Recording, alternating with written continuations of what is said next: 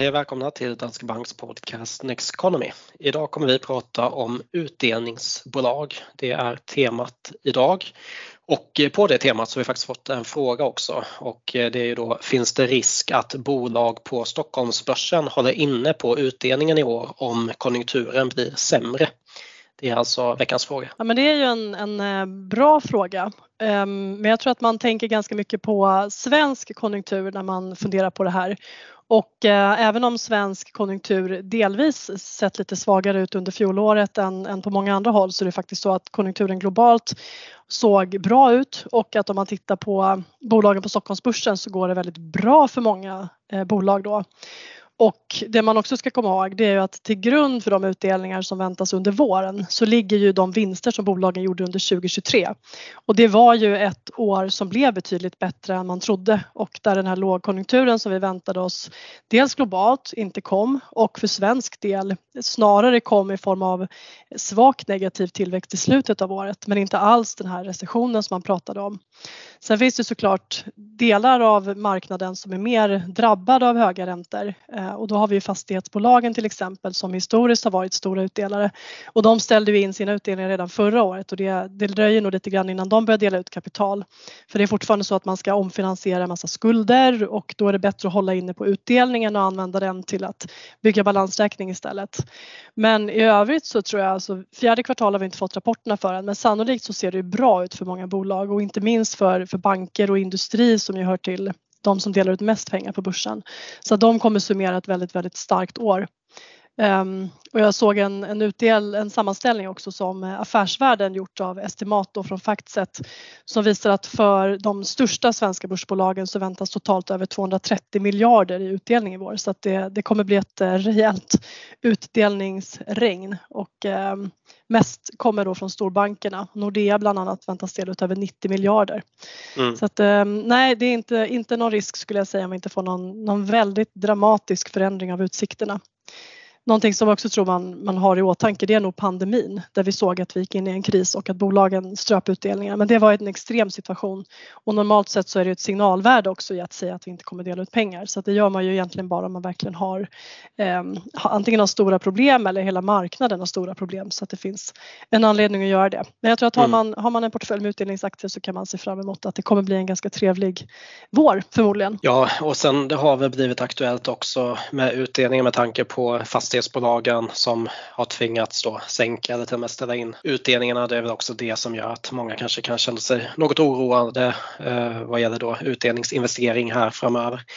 Men eh, jag tänker att vi ska gå vidare på temat då för dagen och eh, vi kanske bara ska börja med att säga någonting om vår marknadssyn så här inför 2024. Vi har ju fortfarande en neutral vikt i aktier och sen har vi ju då vissa regioner och typer av obligationer som vi tycker bättre om. Mm. Ja men precis som du säger, vi är neutrala aktier, vi är neutrala obligationer och det här bygger ju på en bild av att den globala konjunkturen kommer utvecklas helt okej okay under året och att vi har redan fått lite lägre långräntor men att centralbankerna kommer att, att börja sänka i ett, ett ganska långsamt tempo men ändå kommer börja sänka då. Vilket vi då tror kan ge stöd åt aktiemarknaden. Men sen ser vi också värde på obligationsmarknaden i och med att man får höga löpande kuponger från obligationer idag tack vare ränteläget. Ehm, tidigare så såg vi också mer potential rent kursmässigt i obligationer därför att vi tyckte att ränteuppgången under hösten var för brant. Men sen har ju de kommit ner eh, både korta och långa räntor ganska kraftigt så att eh, den kurspotentialen ser vi kanske inte längre. Men sen då inom eh, aktieregioner så föredrar vi ju USA så att amerikanska aktier baserat på stark amerikansk ekonomi och mycket kvalitetsbolag i USA. Och sen gillar vi också fortsatt Japan som vi hade en, en övervikt i under stora delar av förra året. Och ehm, inför 2024 så ser vi fortfarande att det eh, caset är intakt med att inflationen är någonting positivt och någonting välkommet i den japanska ekonomin till skillnad från hur det ser ut på andra håll. Och sen händer också väldigt mycket i bolagen där man gradvis då har mer fokus på aktieägarna, ger upp lite av det här som man traditionellt har jobbat med att eh, bygga väldigt, väldigt starka balansräkningar bestående av väldigt mycket kassa och få ner skuldsättningen, inte investerat i tillväxt, inte delat ut till aktieägarna. Men det där håller på att förändras och eh, även från börsens håll i Japan så finns det ju ett tydligt fokus på att man ska fokusera mer på produktivitet, lönsamhet, värdeskapande för aktieägarna och det tror vi också mm. kommer göra att man, man kan se en liten uppvärdering av, av japanska aktier. Då. Ja, och det har vi redan sett och det visar ju någonstans signalvärdet i att kunna ge utdelning till sina aktieägare och inte bara då samla pengarna på hög inom bolaget utan det är ändå de som har investerat i bolaget som ska ta del av vinsten förr eller senare. Så mm. eh, som en inledning då till det här med utdelningsfokuset som vi tänkte ha på avsnittet idag. Men eh, som du var inne på där då, vi är mer fokus på Japan och USA när det gäller regioner men en förändring som vi har gjort är ju att vi har tagit upp Europa något. Alltså vi hade alltså en dubbel undervikt i Europa tidigare men nu är det en enkel undervikt istället och då mm. tog vi ner tillväxtmarknader. Precis, så att vi eh, finansierar de här två övervikterna med undervikt i, i europeiska aktier och även i tillväxtmarknadsaktier. Och sen så vad gäller Europa då så Ehm, är vi ju fortfarande uppenbart då inte så positivt inställda men samtidigt så kan man väl se att förväntningarna är ganska pressade och medan värderingarna sprungit iväg lite på andra håll så ser europeiska aktier till stor del fortfarande lägre värderade ut. Sen mm. så speglar det förstås att vi har en, en negativ eh, vinsttillväxt, vi har en, en, låg ekonomisk tillväxt, vi har en penningpolitik som är en tydlig motvind för, för aktiemarknaden då. Och sen tillväxtmarknader också, det är fortfarande höga geopolitiska risker Tittar vi på, på USA då och det val som kommer i höst där risken, eller risken, sannolikheten eh, är hög, eh, i alla fall eh, inte obetydlig att Trump då skulle kunna komma tillbaka för en andra mandatperiod. Och eh, då finns det också en risk att de här geopolitiska riskerna eh, ökar ytterligare. Det är ingenting som kommer gynna eh, tillväxtmarknader, kanske framförallt inte Kina men, men inte tillväxtmarknader generellt då. Mm. Och sen när vi då tog upp Europa där så har vi ju också inkluderat europeiska utdelningsbolag i våra portföljer och fokuset på just utdelningar i Europa. Dels så finns det ganska mycket utdelningsbolag eh, generellt, det är mycket försäkring, det finns dagligvaror och hälsovård som är sektorer som tenderar att kunna dela ut en hel del pengar eh, så det kan ju vara intressant.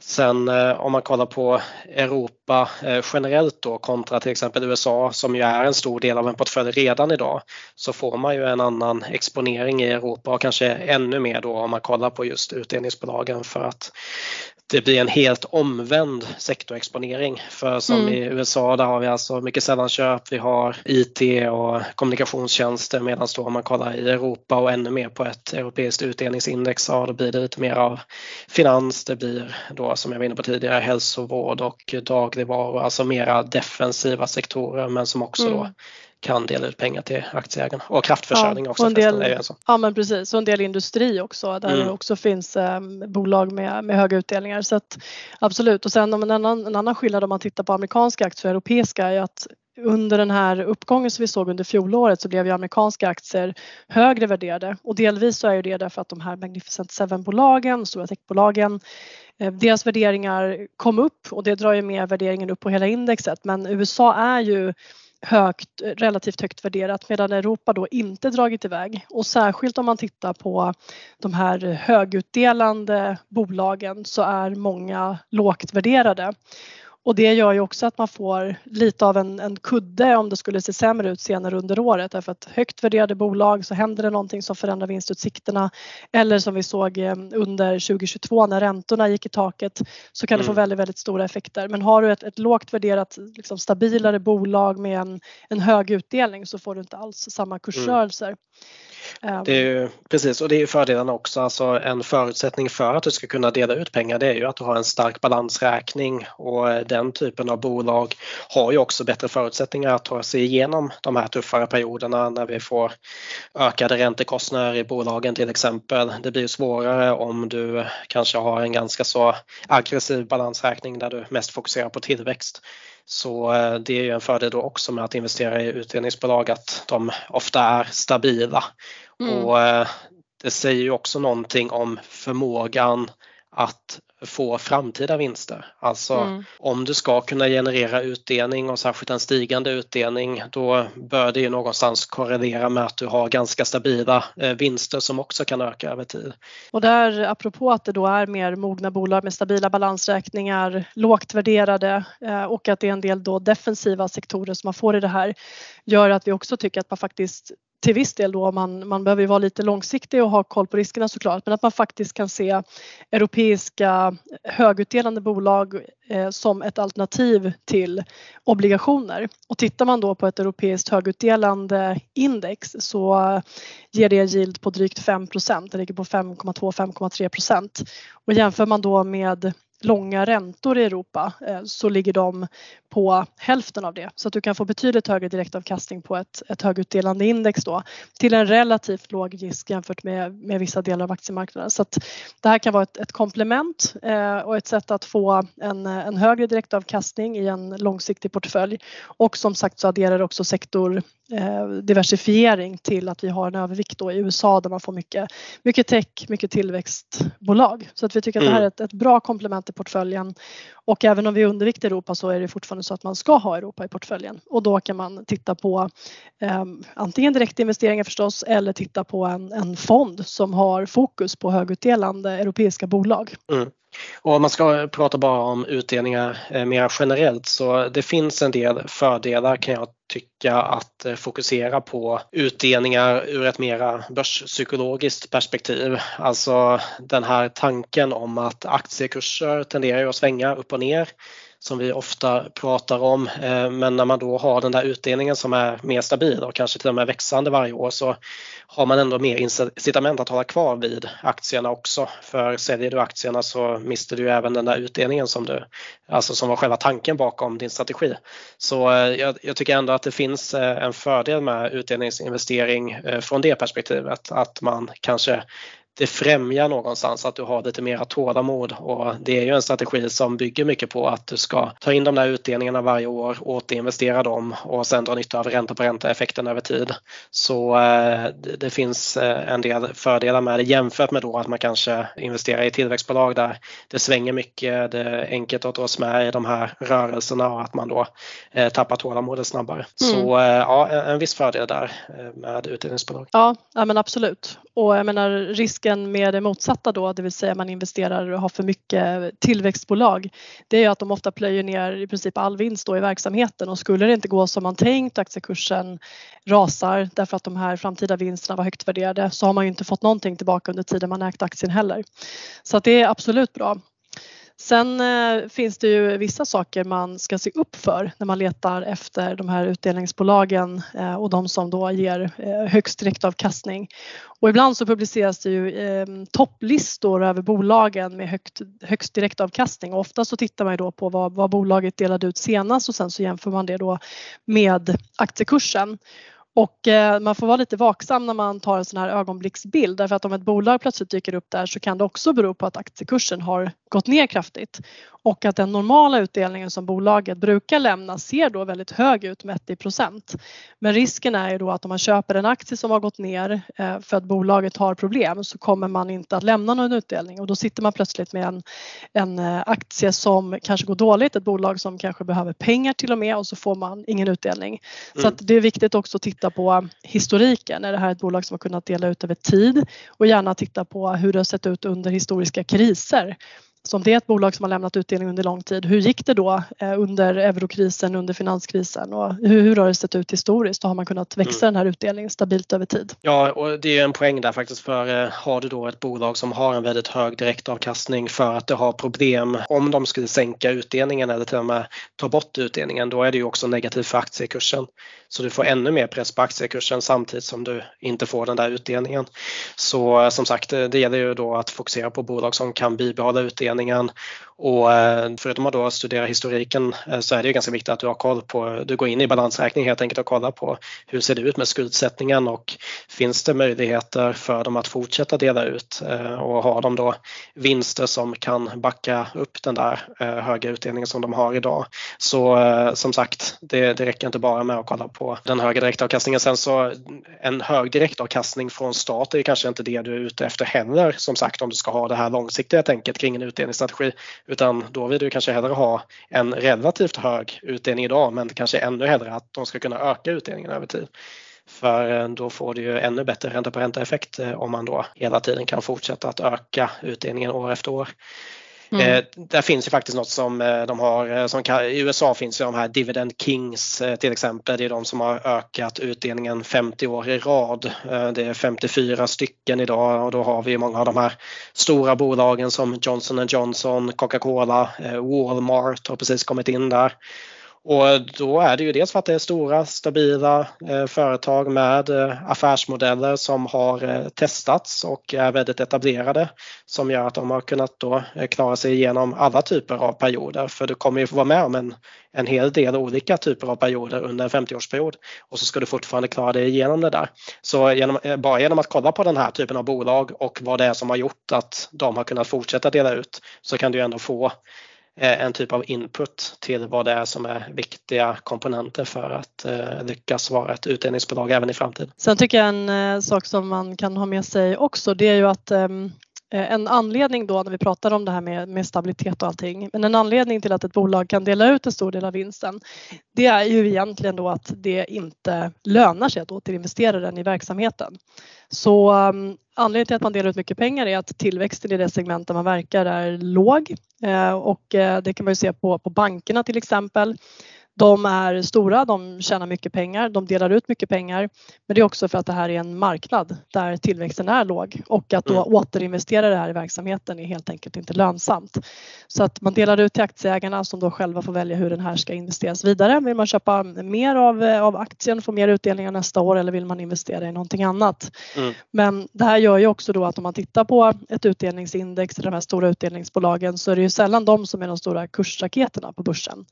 Eh, utan det är mer, eh, mer stabilt över tid, en högre andel defensivt som sagt om man investerar i någon typ av utdelningsindex eller utdelande eh, fond. Då. Mm. Det finns väl ett undantag kanske, det är väl fastighetsbolagen som ju var kursraketer på börsen. Men det hade ju mycket att göra med att, att räntorna sänktes från lite högre nivåer ner till, till noll och då fick vi utdelningsbolag eh, som var kursraketer. Men normalt sett så ser det faktiskt inte ut så. Ja, och det är ju återigen då tillbaka till det vi brukar prata om. Det handlar om att diversifiera. Så eh, olika typer av bolag kommer gå bra i olika tidsperioder. Så eh, om du sprider riskerna mellan både då olika aktieregioner, olika typer av sektorer och då kanske inom de sektorerna olika typer av bolag som värdebolag, utdelningsbolag och tillväxtbolag så får du en bra mix. Men du tar inte risken i hela då den nischen av ett index till exempel. Så eh, som sagt, eh, riskspridning det gäller ju även om man pratar bara bredare portföljer eller om man kollar på eh, enskilda eh, aktiestrategier. Mm. Om det inte är så att man är väldigt nischad inom någonting. Det är väl klart att ja, är du en utdelningsinvesterare och hållit på med det år efter år och du verkligen tror på den strategin så det är säkert så att du kan lyckas bättre än om du testar dig på att eh, sprida riskerna. Men, men som en grundtanke i alla fall så gäller det att sprida riskerna så mycket som möjligt. Utdelningen måste man också säga, det är någonting som eh, kanske har ett av de starkaste signalvärdena från ett, ett bolags sida. Ehm, ett bolag som, eh, som regelbundet har delat ut en påse pengar som aldrig sänkt utdelningen eller kanske till och med har höjt den under lång tid. Att då gå in och, och sänka utdelningen eller eh, ta bort utdelningen helt, det skickar ju ett väldigt, väldigt starkt signalvärde eh, ut mot marknaden om mm. att man har problem. Det här är ju ingenting som man gör lättvindigt utan det är, ska man nästan säga kanske en av de sista sakerna man gör om man betraktas som ett stabilt utdelningsbolag. Ja. Så att, det tycker jag också är lite spännande med utdelning just att det, det är så otroligt viktigt signalvärde för hur eh, bolaget går, hur man ser på framtiden och hur konfident man känner sig helt enkelt med att ta den här vinsten som man gjorde förra året och skifta ut eh, hälften eller ännu mer till, till aktieägarna. Mm. Men det är väl också, tyvärr är det väl också ett problem bland de här bolagen som är dividend kings, alltså som har ökat utdelningen i 50 år, att eh, det är kanske inte alltid som man tar de mest rationella besluten för man har blivit, det har blivit en sån stor del av sin image att man ökar utdelningen varje år. Att eh, det kanske hade varit bättre att inte göra det och eh, då, ja men möjligtvis så finns det vissa projekt som du fortfarande kan återinvestera vinsten i för att då öka omsättningen och över tid öka vinsten men du tar inte de där investeringarna för du måste ju fokusera på att fortsätta öka utdelningen. Så eh, det behöver inte alltid vara fördelaktigt men som sagt det visar ju ändå på den här stabiliteten. Mm. Bra, med det ska vi gå vidare till veckans studie och eh, den här veckan heter den Dividend Investing A Value Tilt in Disguise. Eh, jag tyckte den var lite intressant för den, den kommer med, med ett annat perspektiv på utdelningsbolag men då studerade de alltså data för amerikanska Russell 3000 mellan 1979 och 2012 och det intressanta då som de kommer fram till är att utdelningsaktier har överavkastat marknaden under den här perioden men det är inte utdelningsfaktorn som överavkastar utan det är snarare värdefaktorn. Så inom utdelningsbolag när du tar då 300 av 3000 på Russell 3000 så kommer ju både de där utdelningsbolagen, de kommer klassificeras som utdelningsbolag men även som värdebolag och eh, om man då kollar på utdelningsaktierna så hade de en avkastning på 12,42% per år jämfört med 11,15% för Russell 3000. Och ränta på ränta-effekten gör då att utdelningsaktierna de 48 dubblades under perioden medan index 33 dubblades så det är en ganska stor skillnad. Men när de då kollar på vilka faktorer som har bidragit till 12,42% i avkastning så visar det sig att hög earnings yield, alltså när man då tar det klassiska P talet men man vänder på det. Så man tar alltså vinsten i förhållande till priset istället. Eh, då har det alltså gett det största bidraget på 2,28 procent medan direktavkastningen, eh, alltså som faktor, gav ett negativt bidrag på minus 1,02 procent. Så den högre avkastningen från utdelningsaktier som grupp under perioden kommer alltså inte från att bolagen har en hög direktavkastning utan istället från att de var lågt värderade. Så man hade fått en bättre avkastning om man bara hade plockat ut aktierna ur Russell 3000 med lägst P E-tal istället. Så jag bara tycker att det där är intressant då när man kollar på vad det är som faktiskt bidrar till den här avkastningen. Det behöver inte vara det som man faktiskt investerade i. Men därmed är det inte sagt att utdelningsaktier inte har perioder när de går bättre än värdebolag. Och oavsett om det är så att avkastningen i utdelningsbolag kommer från värdefaktorn eller utdelningsfaktorn eh, så får man ju fortfarande avkastningen. Så det är ju kanske viktigast ändå att den där avkastningen kommer oavsett var den kommer ifrån. Men jag tyckte det var en ganska intressant studie så här på ämnet utdelning. Mm. Och då kan man bara helt kort koppla det till allokeringen till europeiska utdelningsbolag också. Eh, därför att om man tittar på ett europeiskt utdelningsindex så är det så att för europeisk del så har vi ju mycket värdebolag och eh, kollar man på, på värderingarna på det här så är de eh, låga för tillfället. Så att, eh, tittar man på, på europeiska utdelningsbolag så är det, liksom, det finns både då låga värderingar vilket på sikt talar för att man har en, en högre kurspotential men också då som sagt en, eh, en hög direktavkastning på över 5 så att det, det tycker vi är en, en bra kombination. Så att, mm. Utdelningsbolag inom europeiska aktier. Ja, och med det så ska vi avrunda för idag. Ni får som vanligt då ställa frågor i frågeformuläret i avsnittsbeskrivningen och eh, komma med förslag på nya ämnen som vi ska ta upp här under 2024. Och eh, besök gärna nexteconomy.se. Det är vår eh, nyhetssajt och där hittar ni både våra poddar, ni hittar krönikor, bloggar, nyheter och annat matnyttigt som handlar om marknaden, vår investeringsstrategi och inte minst vår investeringsfilosofi.